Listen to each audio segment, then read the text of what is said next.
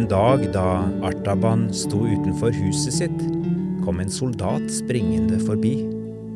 Han stoppet da han fikk øye på den tørre rosebuketten. Vi trenger disse rosene du har hengende her, sa soldaten. Det er ordre fra høyeste hold. Han sa ikke så mye som takk, bare rev dem ned av veggen og tok dem med seg. Vil kongen ha rosene mine likevel? Tenkte Artaban forundret.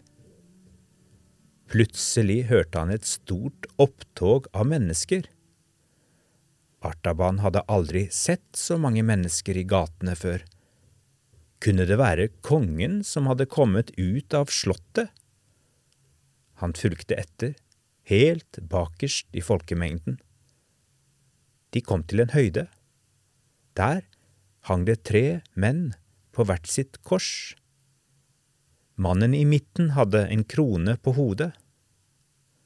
Hvordan kan det ha seg at de henger en konge på et kors, lurte Artaban og gikk helt bort til korset.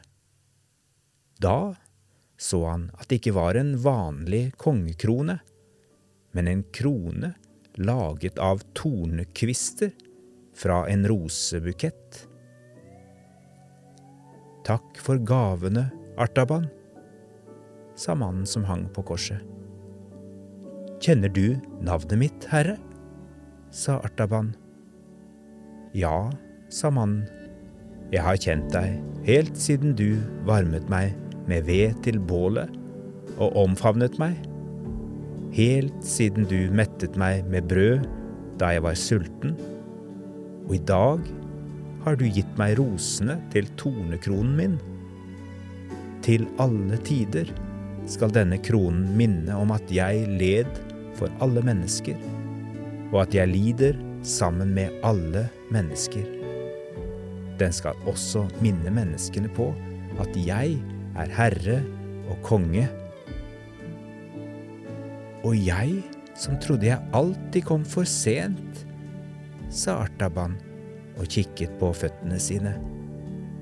Han så en gang til opp på tornekronen. Da syntes han så tydelig han kunne se nye knopper på de gamle kvistene